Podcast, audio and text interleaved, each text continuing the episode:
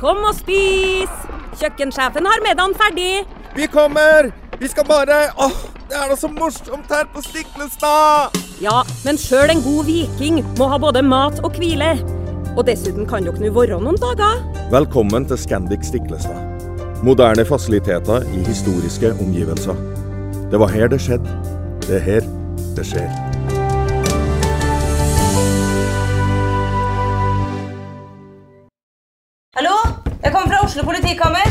Ine Jansen er purk. Er du purk? The motherfucking bitch. Alt jeg vil, er å finne ut hva som skjedde med mannen min. Jon Carew. Er jeg sikta for noe? Iben Akeli. Det er du. Ole So, Lars Berrum og Big Daddy Karsten. Hvem sin side er du på, egentlig? Anette Hoff, Tone Danielsen, Kommer du fra Afrika? Jørnis Josef, Nesten. Kløfta. Trond Espen Seim, Det er synd å si det, men det var feil mann som døde. Purk. Premiere tirsdag på TV2 Play.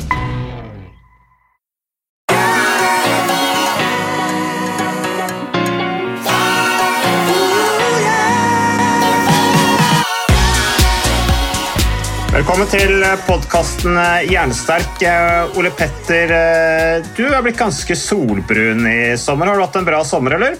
Du, jeg har det, altså. Jeg har vært mye ute, vet du. Det har vært, eh, det har jo pga. pandemien vært eh, hjemmeferie, og så har det jo vært jækla godt vær, da. Og jeg er jo glad i å være ute, så jeg er jo ikke noe glad i å sole meg, så jeg ligger jo ikke og soler meg, men eh, det har nok kommet noen solstråler på kroppen eh, når man er ute og leker og trener. Du, eh, dette skulle vi ikke snakke om i det hele tatt, men jeg tror jeg sånn soleksem er det noe man kan få med alderen, eller? ja, det soleksem Jeg får sånne bobler og blemmer og Altså, jeg tål, altså jeg, det er en- det er en allergisk reaksjon. Ja, du, det er noe som får det, sånn varmeutslett. Og så er det faktisk en del som kan få det pga. solkrem de bruker også. Fordi eh, dagens solkrem inneholder jo mye annet enn eh, de faktorene som blokkerer UV-strålene. Det er jo mye parfyme og tilsetningsstoffer som av og til man kan reagere litt på. og Da blir man ikke seende så hot ut eh, etterpå. Da er det lett å få litt blemmer og utslett. Så det første man kan gjøre, er å prøve å bytte solkrem. Da. Gjerne noe med minst mulig parfyme og tilsetningsstoffer. Ja, Det var dagens soltips. Men Yes. eh, har du, du har holdt deg i form i sommer òg? Ja, jeg vil jo si det. Jeg prøver jo, er jo glad i å trene og vet at det er viktig for meg, og ikke minst for omgivelsene mine. Jeg har jo en familie som, eh, som eh, har skjønt at både barn da, i fall, som har skjønt at både mor og far eh, har det bedre og egentlig alt er bedre når vi eh, får beveget oss litt. Så har ikke blitt så mye sånn, kall det målrettet trening, men eh, med bevegelse og mye av det har vært med barna og, og familien. Så jeg har nå holdt meg litt i gang, ja. Ja, ja, men det er bra. Det er bra. Nei, det er lurt det, å få barna på lag når det gjelder det der. Vi har det samme, vi. Eh, Barna våre de, de forstår at mor og far de, de, har, de har stort utbytte av å mosjonere og trimme. Så de lar oss få gjøre det. Og nå er de jo litt større òg. Nå er de jo 8 og 10, ikke sant? så nå er det liksom ikke noe problem om vi er borte i 30-40 minutter. Nei, du, og, og jeg syns det er vanskelig å forstå de som eh, er veldig kritiske til eh, foreldre som bruker kanskje en time hver dag til å ta vare på seg selv og bevege seg og trene. Eh, Jeg er hellig overbevist om at det er det er selvfølgelig bra for mor og far, og de har det bedre. og da har jo det selvfølgelig en effekt på hvordan man er som forelder også. Og så tror jeg det er et viktig sånn signaleffekt. Ja. Man er vel, som, sagt, eh, som jeg har sagt mange ganger før, man er instruksjonsmanualet for barna sine, iallfall de minste. Og det å vise dem at det å være i bevegelse, det er helt naturlig og viktig. Det tror jeg har en veldig, eh, veldig god effekt på barna også. Har, har, det- har, har du aktive foreldre, så er det større sannsynlighet for at barna blir glad i bevegelse også. Eller klarer å vedlikeholde den gleden ved bevegelse som barn jo er født med. Ja, Så blir de vel mer nysgjerrig på hvorfor vi gjør det, kanskje. Og det blir litt tema, man snakker litt om det. og Det er klart, det er tema hjemme hos oss, så barna, barna skjønner hvorfor vi gjør det. Uh, og de, det er ikke sånn at nei, ikke dra ut og trene, eller det det er aldri noe sånn. Uh, de, det er en rutine som, som blir gjort, og så har man hele dagen etterpå til å gjøre andre ting. Ja, og du har jo vært eh, i Frankrike du, i flere uker, tre uker pluss. Ja, det ble nesten, nesten hele fire uker. Eh, Så, og det var jo liksom sånn Jeg bestemte meg også der For det var ikke noe helseform, altså, det kan jeg si. Det var, det var rett og slett nedbrytende hva gjelder fysisk form å kommentere Tour de France. fordi at vi sitter altså bare på rumpa i den kommentatorboksen i time etter time etter time, og så er det jo masse kjøring både før og etter. Det er gjerne sånn tre-fire timer i bil etter etappene, hvor vi da kommer oss ut av på en måte kommentatorområdet ved seks-sju-tida om kvelden, og så skal vi da kjøre til, til neste hotell, da, som kanskje er 30 mil unna. da. Eh, Så det var jo eh, Men jeg bestemte meg for å mosjonere eller trene litt hver dag. Eh, Og det gjorde jeg da før frokost. Så jeg satte på vekkerklokka, eh, la fram tøyet kvelden før eh, og dro ut og løp en halvtime eller trente 30 minutter styrketrening. Det gjorde jeg hver eneste dag. Så, så jeg er fornøyd med det, altså. Men jeg merker jo at formen allikevel er, er dårlig. Men det er liksom sånn når du sitter der og kommenterer i time etter time og sitter så mye, så er det det, det, det er en god følelse å ha bevega litt på seg. Eh, og i og med at jeg er eh, relativt bevisst dette med fysiotrening òg, så er det klart det, det gir jo en mestringsfølelse å gjøre det også. Så, så fornøyd med det, altså. Jeg har gjort det. Men er det fordi du da Ja, for det, er jo, det lurer jeg litt på da. Det er jo Er det sånn at du våkner og tenker at vet du hva, nå har jeg skikkelig lyst til å trene? Eller er det sånn at du har bestemt deg eh, når du går og legger deg kvelden før at vet du hva, i morgen tidlig så skal jeg opp, og så skal jeg gå ut og trene meg en tur. Det er ikke sikkert jeg har veldig lyst når jeg våkner, men jeg vet at det er bra for meg, så jeg gjør det uansett. Nei, jeg bestemte meg selvfølgelig kvelden før.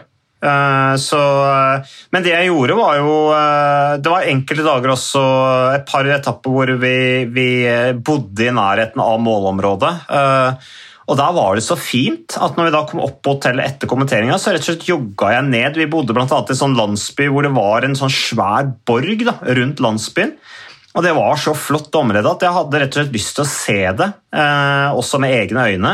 Ikke bare fra TV-skjermen og at vi kjørte raskt forbi. Jeg jogga ned der, løp rundt denne borgen, Slottsborgen, eh, og var på en måte oppi det og tok litt bilder. og, og det, det, Da ble det litt sånn opplevelse også. Og Det er jo det som er fint med mosjon, syns jeg. Det, det, det husker jeg jo fra når jeg var sykkelrytter. Du får på en måte en helt annen nærhet til til attraksjoner og, og, og naturen og på en måte området du ferdes i. Da. Eh, Så du, du opplever det på en helt annen måte når du også er fysisk aktivitet, eller når du er fysisk aktiv på disse stedene man ferdes som turist, da, eller i, i vårt tilfelle så var det jo jobb, men allikevel så hvis jeg hadde reist rundt i Frankrike som turist, så er det klart det der å ha med seg sykkel, ha med seg joggeskoa, så får du opplevd ting, syns jeg, da, eh, som gjør at eh, du ser ting mye, mye, mye tettere og, og bedre og får mye mer inntrykk av hvordan ting er. Jogge rundt rett og slett og se, se sammen. Det var, helt, det var kjempeflott.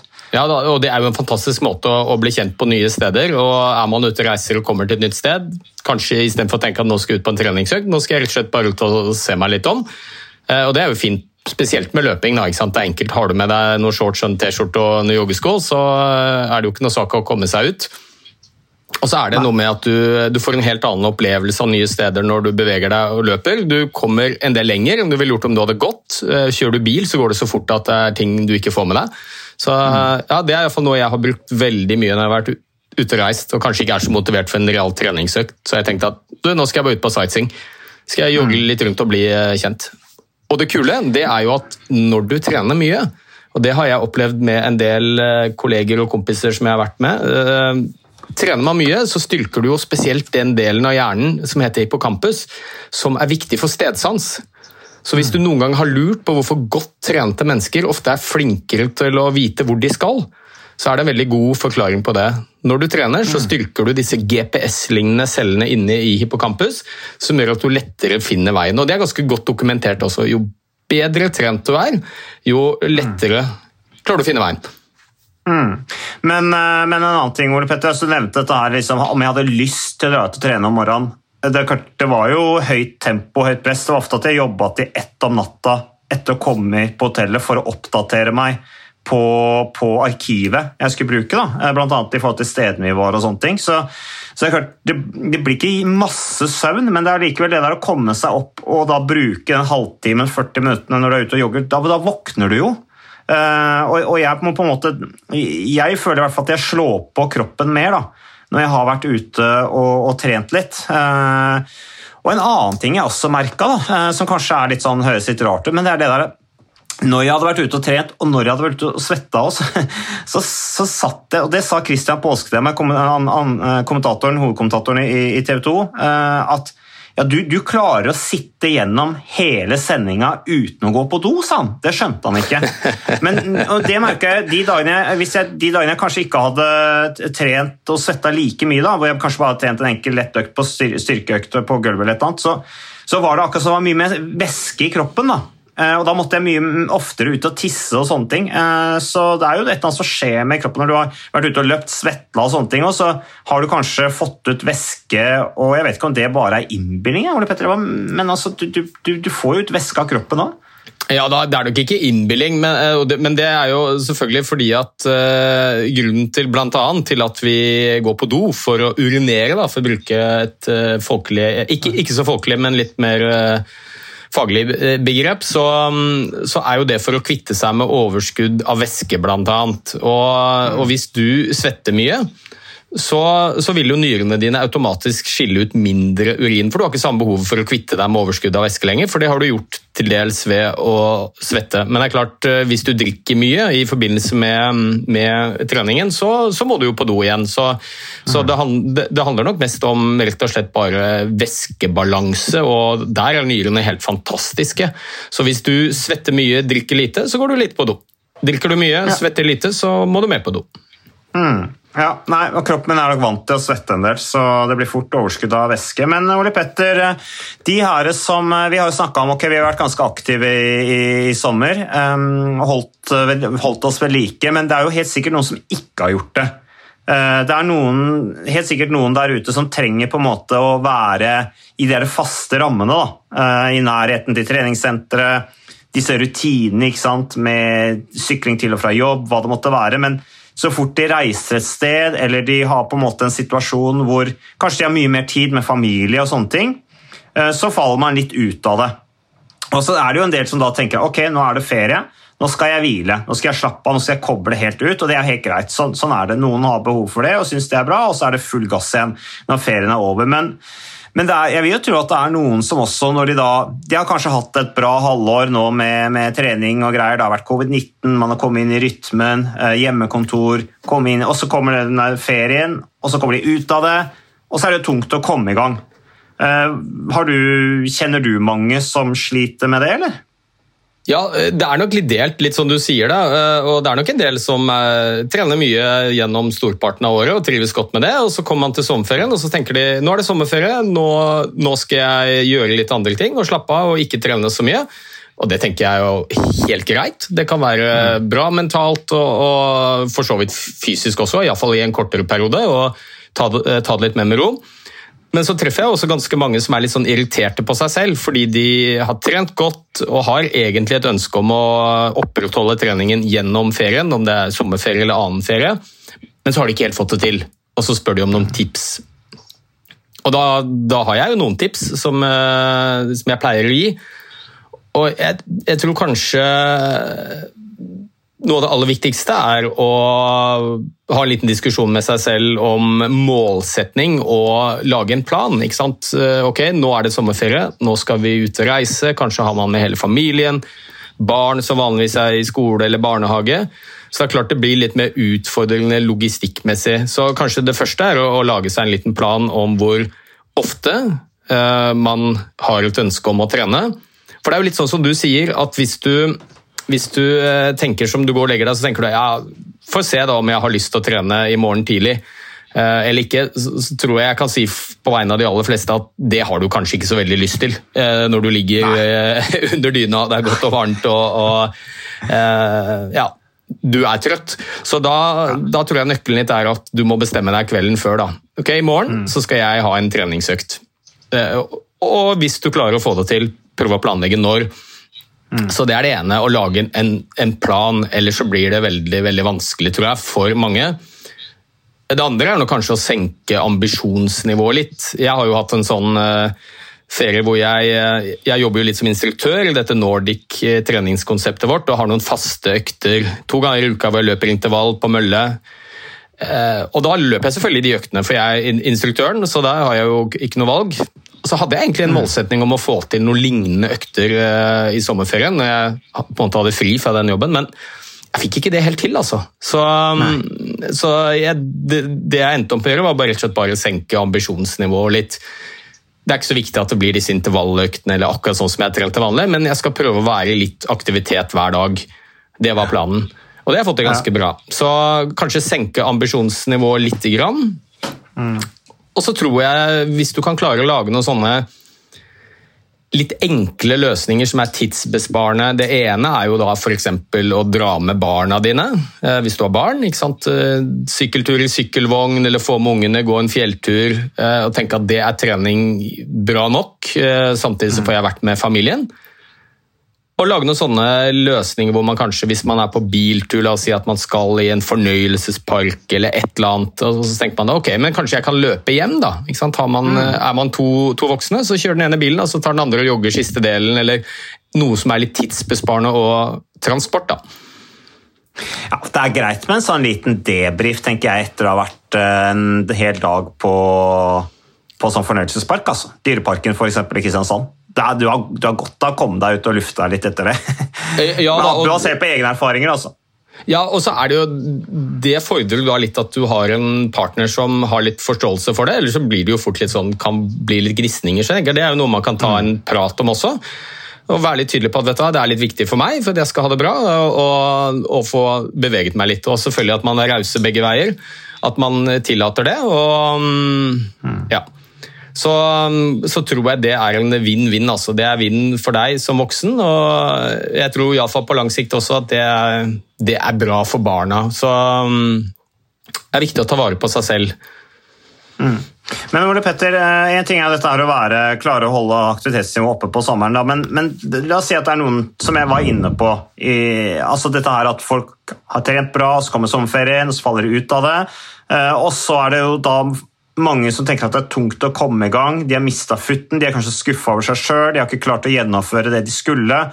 Eh, og så tenker de ja, nå har jeg brutt meg ned så mye at nå er det kanskje ikke noe vits å komme i gang. Eller eh, hva skal man da Bør man da ja, Bør man da starte opp forsiktig, eller hvor mye har man egentlig liksom ødelagt? Du var inne på at det kan, kan være sunt å koble av i sommerferien. Eh, og det er jo mange som kanskje er litt vel sånn opptatt at de skal gjøre akkurat det samme hele tida for å vedlikeholde det de skulle, men det kan jo være sunt å koble av litt. Det kan være sunt å, I idretten bruker vi jo periodisering sant, som uttrykk, at du har de periodene hvor du slipper litt opp eh, for å få avkobling mentalt, men også for å booste formen senere for å få fysisk overskudd.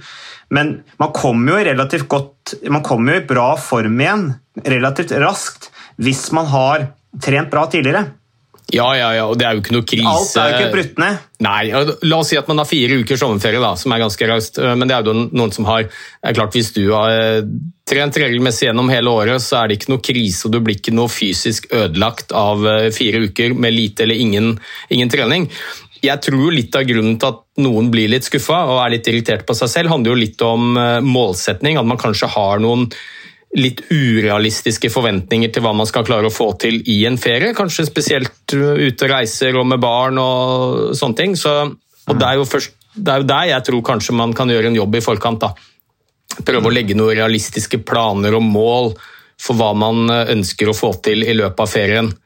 Eh, Og Da tror jeg det kan være lurt å senke ambisjonsnivået litt. For da, da blir du ikke like skuffa heller når du ikke får det til helt sånn som du vanligvis gjør. Og så kan man jo snu litt på det også, fordi eh, mange opplever nok litt at det er tungt å komme i gang etter en ferie hvis de har vært en måned kanskje, uten noe særlig trening. Det føles litt tyngre enn vanlig. På den annen side så er det jo en nydelig mulighet til å føle skikkelig progresjon. For da vil jo all trening du gjør, selv om den kanskje føles litt tøffere enn den gjorde før ferien, så, så vil du merke kanskje enda tydeligere progresjon og forbedring enn det du gjør til vanlig. Ja. Og, og jeg tenker Ja, at det er man- viktig man å kanskje lettere ja, Man er jo ofte lettere i kroppen Petter, når man har hatt en god pause, fordi at alt av melkesyre og trettestoffer og sånn er jo fullstendig ute av muskulaturen. Ukas annonsør det er HelloFresh. Og eh, hvis du nå går inn på hellofresh.no og bruker koden 'fresh hjerne', så kan du få opptil 1779 kroner rabatt på da de fem første matkassene dine hvis du ikke har prøvd Hello Fresh enda. Og Ole Petter, vi er jo glad i Hello Fresh i podkasten Jernsterk, selvfølgelig fordi at de er en annonsør. De er med og bidrar til å spre det glade ordet om fysisk aktivitet og god helse, men i tillegg så har jo vi også nå lang erfaring med Hello Fresh eh, selv, så vi må jo si at det har vært gode erfaringer til nå.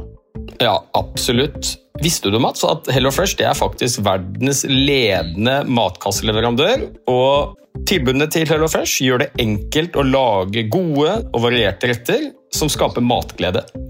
Og matglede vet du, det er like viktig som hva du putter i munnen. Det å spise mat med folk du trives med.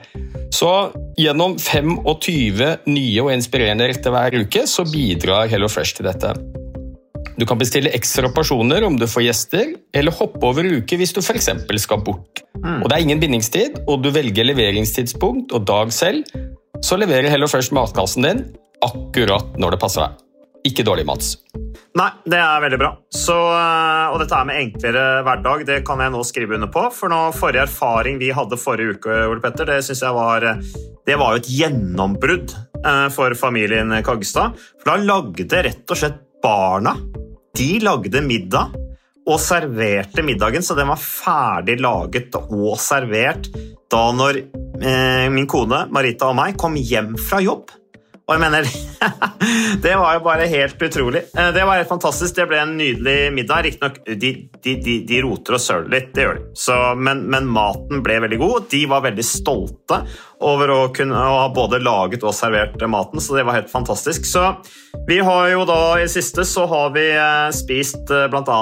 sitron- og dillstekt hyse med ovnsbakte grønnsaker og aioli. Eh, vi har spist middelhavsinspirert kylling. Taco, så finnes det mange ulike typer taco. F.eks. vietnamesisk taco, som vi har spist. Thailandsk vegetargryte. Veldig riktig og sunt uh, i dagens uh, samfunn med, med, fokus på bærekraft. Hvitløk og chilistekte reker i spagetti, det var definitivt en vinner. Så det er så flott. Du får rimelig mat ved at du kun betaler for det du trenger, så det blir ordentlig feststemning med Hello Fresh. Det gjør det, og nå er det bare for deg å gå inn på hellofresh.no og bruk koden 'fresh hjerne'. Da får du opptil 1779 kroner rabatt på de første fem matkassene dine hvis du ikke allerede har prøvd HelloFresh. Du kan også bruke rabattkoden hvis du har stoppet abonnementet ditt for tolv måneder siden eller mer. Er det noe å lure på? Håper maten smaker godt. Bon appétit! Ja da, og så er det jo noen som da klager over ikke sant? kanskje har de gått litt opp i vekt i løpet av ferien. og jeg tenker at eh, Med mindre det er noe sånn helsefarlig vektoppgang, at man ikke, ikke, skal prøve å stresse for mye med det. Og prøve å komme tilbake igjen til, eh, til gode, gode rutiner. Kanskje starte litt forsiktig prøve å ha det litt lystbetont. Eh, og så vil du merke progresjon, og så tror jeg ikke det tar lang tid hvis man klarer å holde fast ved det før man er tilbake i den formen man var. Vi hadde jo en sånn tommelfingerregel da jeg drev og løp, at eh, var du syk eller skada en uke, så tok det en uke med normal trening til du var tilbake igjen der du var før du ble syk eller skadet. Og det er klart Har du hatt tre-fire ukers sommerferie, så, ja, så, tar det kanskje en måned da, før du er tilbake der du var. Mm. Men det er jo ikke så lenge. Nei, og det er jo verdt å ta fatt på den jobben, tenker jeg. Ja. Det kan være litt tungt de første par ukene, og så, og så begynner det jo gradvis løsne. og som du sier, Da, der, da får du i hvert fall den følelsen av progresjon igjen. Og Det er jo en del folk som kanskje trener litt vel mye og vel intenst litt for ofte gjennom hele året, tenker jeg. Som kanskje har godt av å koble av litt og kjenne på den følelsen og ha litt overskudd og også kanskje litt dårlig samvittighet. Eh, en liten periode. Eh, at det bare er bra med tanke på, på kontinuiteten over mange år. Da. Som ja. Eh, det der å gi seg selv en liten periode hvor man eh, trapper litt ned. Ja, og, og, og, så tror jeg det at For de som er litt irriterte over at de ikke har klart å holde fast ved, ved rutinene sine La oss si at du trener tre-fire ganger i uka til vanlig, og så kommer sommerferien og så blir det ikke, ikke noe i det hele tatt. så så kan man jo også prøve å tenke at eh, ja, jeg skal prøve å holde fast ved rutinene, for det er en verdi i det. Altså Disse rutinene er jo det som gjør at du kommer deg opp eh, hver morgen før du skal sitte mange timer på rumpa og kommentere Tour de France. Du vet det er bra for deg, og du har en rutine på det. Og da For noen så blir det da litt dumt å ha tre-fire uker hvor rutinene blir helt borte. Så da pleier jeg å si at men vet du hva, drit i disse lange øktene dine, intervalløktene, det du vanligvis gjør, men prøv å beholde rutinen. Hvis det er tre eller fire ganger du trener, bare gjør et eller annet, om det så er fem minutter, ti minutter. For det klarer du å skvise inn i løpet av en dag. Så har det en verdi. Selv om det ikke er samme treningsmengde, så holder du fast ved treningsrutinen, og da er det litt lettere å fortsette som vanlig etter sommerferien. Du, Ole Petter, eh, nå er det jo eh, Pandemien er fremdeles selvfølgelig overskrifter. Eh, jeg fikk forresten andre dose i dag, så da er det gjort. Så da regner jeg med at jeg har kanskje føler meg litt sånn snufsete og har litt småfeber i, i morgen. Det er jo ganske vanlig. Men hva tenker du da nå fremover?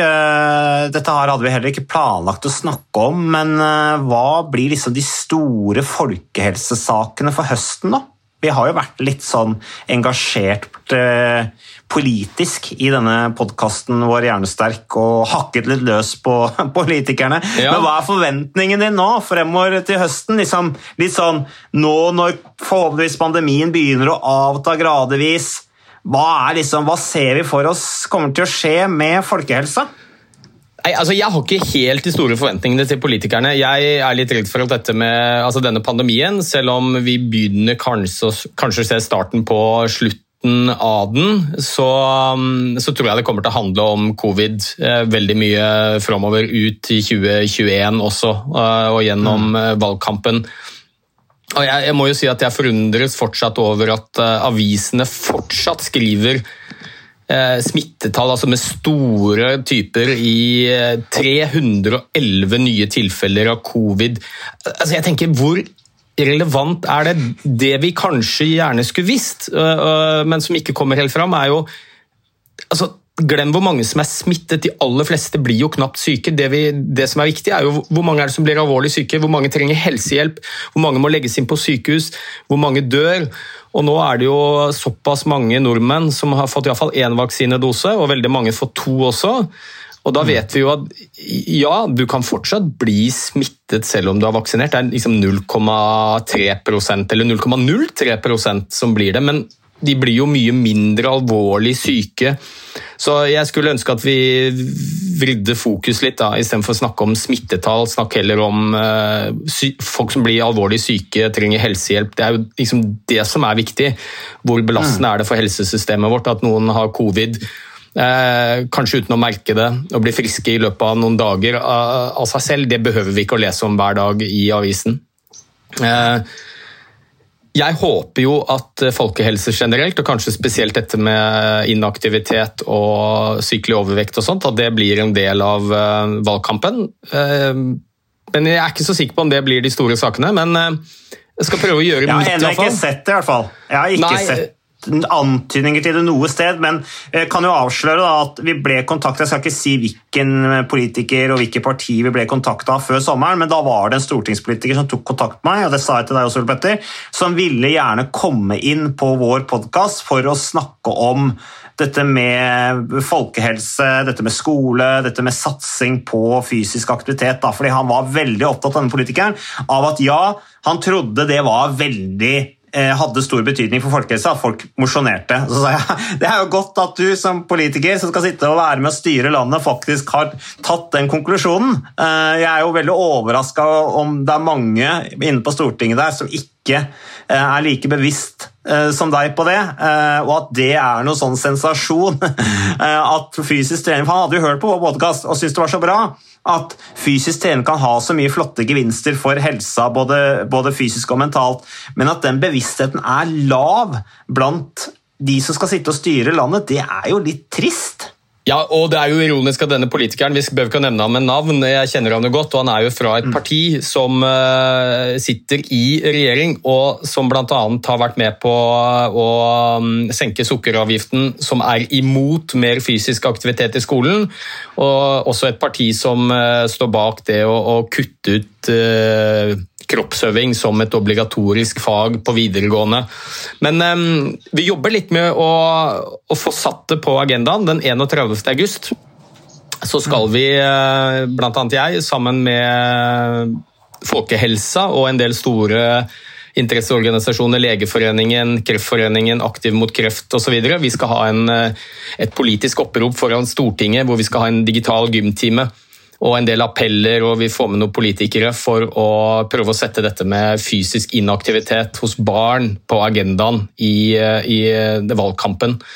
Mm. Og Der har det jo vært veldig lett å få med de partiene som eh, er for mer fysisk aktivitet i skolen, men eh, nesten umulig å få med noen politikere som er imot. Selvfølgelig fordi de skjønner at dette er en dårlig sak for dem. Vi vet at, Og det er litt interessant, dette har vi snakket om mange ganger, at det er mye inaktivitet i skolen og stortingsvedtaket som ble skrotet, hvor alle norske skolebarn skulle få mer fysisk aktivitet. Og så har litt av argumentasjonen fra sittende regjering vært at ja, men lærerne er imot, og Utdanningsforbundet, som er interesseorganisasjonen da, for um, lærerne bl.a., de er skeptiske til dette, for lærerne mister uh, pedagogisk frihet osv. når de plutselig må begynne å bevege seg sammen med elevene i timen. så viser det seg en stor spørreundersøkelse at mellom 70 og 80% av lærerne er jo veldig for dette. Hmm. Så Det er på en måte ingen gode argumenter for at eh, vi ikke skal eh, la barna våre få lov til å bevege seg litt mer i skolen. Så jeg håper jo det blir en um, het sak i valgkampen. Skal jeg få bidra til det. Ja, det blir spennende å se Ole Petter, om det, det, blir det. Men vi nærmer oss slutten her på den podkasten. Dette var en podkast for å komme i gang igjen litt etter sommeren. Nå har vi faktisk hatt en uke hvor vi ikke har gitt ut en episode etter at siden den første faktiske uka siden vi, vi starta opp. Men vi trenger litt sommerferie, vi Ole Petter. Men bare én liten ting her, eh, for å ta et litt, eh, litt sånn enkelt lyttespørsmål.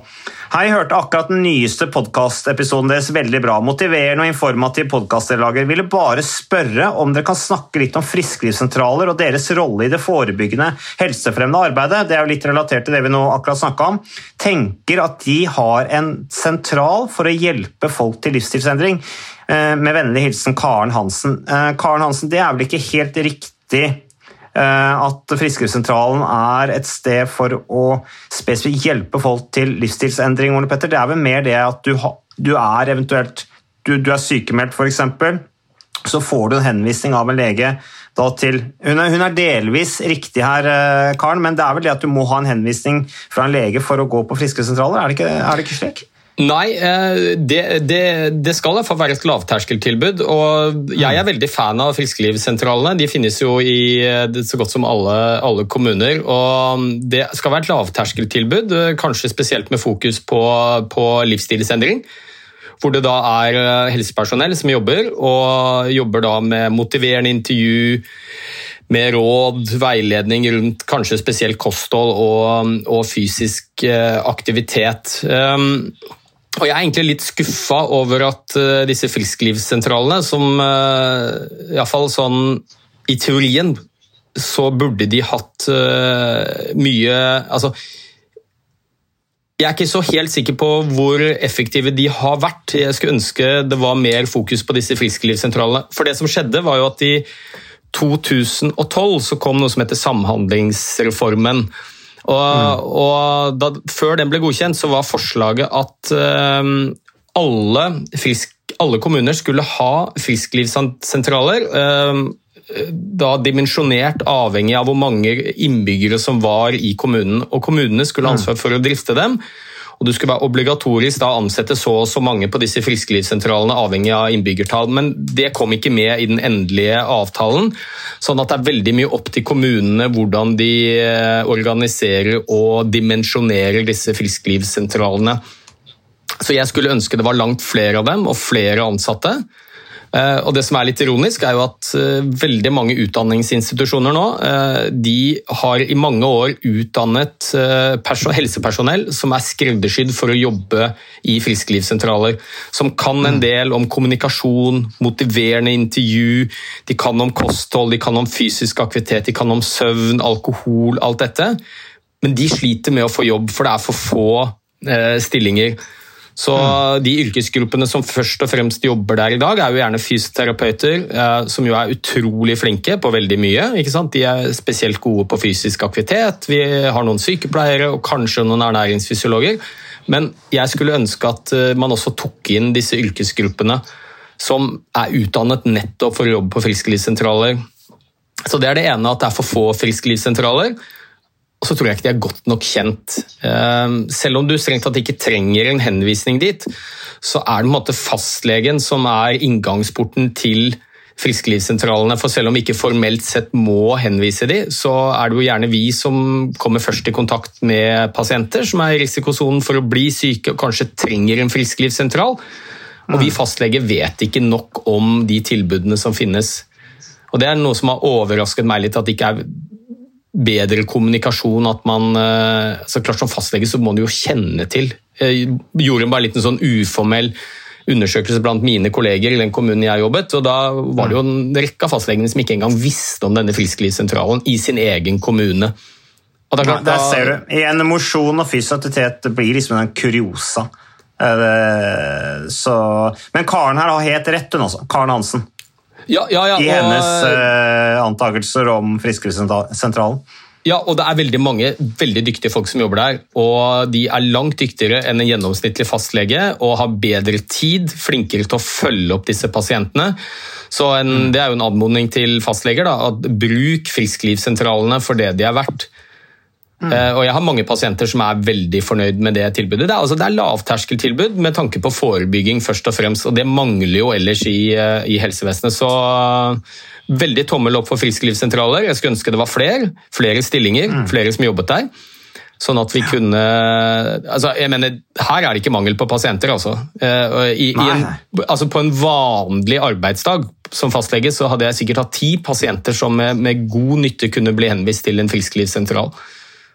Ja, ikke sant? Også fordi at, Ikke nødvendigvis fordi at de var akutt syke eh, og de trengte medisinsk behandling, men fordi at man så at her, hvis det fortsetter sånn noen år til, så vil du bli syk hvis ikke du tar tak og gjør endringer og kommer et sted hvor du blir mer bevisst og får hjelp og veiledning til å komme i gang med et sunnere liv. Ja, ja, og det, og det er jo hele poenget. Altså, har du et hjerteinfarkt, så sender vi deg til en frisklivssentral. Da ringer vi 113. Og så skal vi inn og reparere en skade som allerede har skjedd. Det er jo hele poenget med forebygging, og frisklivssentraler spesielt, da, er jo å få tak i de pasientene som kanskje har noen livsstilsutfordringer som vi vet øker sannsynligheten for at de skal bli syke senere i livet, og forebygge. Så rett og slett gode, gode livsstilsvalg. og ja, så skulle ønske vi brukte disse frisklivssentralene mer, og at vi hadde flere av dem. Ja, jeg burde jo egentlig kunne alt det der på rams sjøl. Ja, du er jo i en familie hvor Ja. ja. frisklivssentralen har vært eh, sentralt, med din far som var med på den første, var han ikke det? På Modum? Jo, han var jo med å starte den første frisklivssentralen i Norge i 1996, da han var kultursjef i Modum kommune, fordi sykefraværet i Modum kommune var så høyt. Og da min, fat, fatterns, min fars evne da, til å trekke konklusjoner Det spørsmålet han stilte da, var hvorfor er sykefraværet så høyt i Mone kommune når vi har så mye flotte turområder? Ja, ja. Du, og, og her er vi jo tilbake til en, en av mine kjepphester, da, som uh, kanskje lytteren er lei av. og Det er jo dette ensidige fokuset på nå må vi forberede oss til nye pandemier, og da må vi sørge for nok helsepersonell og respiratorer og alt dette her. Og så vet vi nå fra ganske mange store studier at noe av det aller beste du som enkeltindivid kan gjøre for å beskytte deg mot eventuelt nye pandemier, det er å være i god fysisk form. De aller fleste som blir alvorlig syke av denne covid-19-pandemien, de, de er enten eldre, skrøpelige, eh, har dårlig helse bl.a. pga. underliggende sykdom, eller kanskje er rett og slett i dårlig fysisk form. Så beste, Det er ikke noe garanti, men den beste forsikringen du har som enkeltindivid for å komme deg gjennom eventuelt en eh, covid-infeksjon eller en annen pandemi som kommer, det er å ta vare på helsa di i forkant. Og Der skulle jeg ønske at politikerne viste litt handlekraft. altså En promille av den handlekraften de har vist når det gjelder denne akutte når det brenner på dass eh, covid-19-pandemien som kom som julekvelden på kjerringa. Hadde de brukt en promille av den handlekraften på forebygging, så, så hadde vi jo hatt eh, færre syke også. Ja, det du Og sier der. Ole Petter, med det du sier der med liksom det beste forsikringen vi kan gjøre, er faktisk å, å, å mosjonere og leve sunnere liv. Det er jo ikke blitt nevnt altså Jeg har ikke hørt det være nevnt én eneste gang av en politiker. Nei, nei. Nei. Nei, Det er Så ikke så hot og sexy de dette med på, altså. forebygging. ikke sant? Og det er jo, Når først eh, pandemien kom, så setter man alle kluter til, og der syns jeg jo eh, regjeringen har vært flinke. La oss overføre noe av den handlekraften og villigheten eh, til eh, de enda større globale og nasjonale helseutfordringene vi har, eh, som bl.a. er inaktivitet og overvekt. Det var, eh, Jeg tror vi skal la det være siste ordet. Ole Petter. Det var veldig bra. Eh, Da har vi kommet i gang igjen etter eh, sommerferien også. Litt sånn tungt å starte opp igjen, men nå er vi i gang. Nå merker jeg engasjementet er tilbake. Og så, eh, Hvis ikke du har et siste ord du ville si, sånn som du ofte har Du hadde i hvert fall det ofte før, før sommeren. Men det var kanskje ikke helt ute av sommerdvalen ennå. Nei, nei da, men jeg tenker nå har vi snakket litt om det vanskelighetene med å komme seg i gang igjen etter sommerferien. og det har vel, Sånn er det jo litt med denne podkasten også, vi må sveives litt i gang. Men eh, jeg merker nå at eh, engasjementet er på plass hos begge to, så jeg gleder meg til nye Vi trengte det her. Vi gjorde det, og til lytterne, takk for at dere hører på. Og eh, bare send spørsmål. Keep them coming.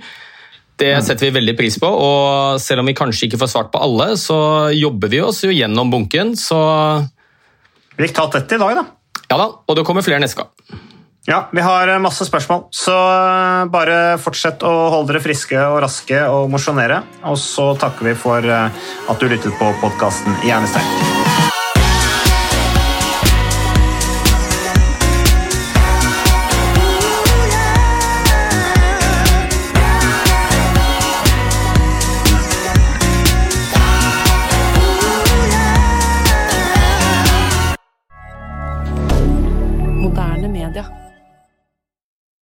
Har du et enkeltpersonforetak eller en liten bedrift? Da er du sikkert lei av å høre meg snakke om hvor enkelt det er med kvitteringer og bilag i fiken, så vi eh, gir oss her, vi. Fordi vi liker enkelt. Fiken superenkelt regnskap.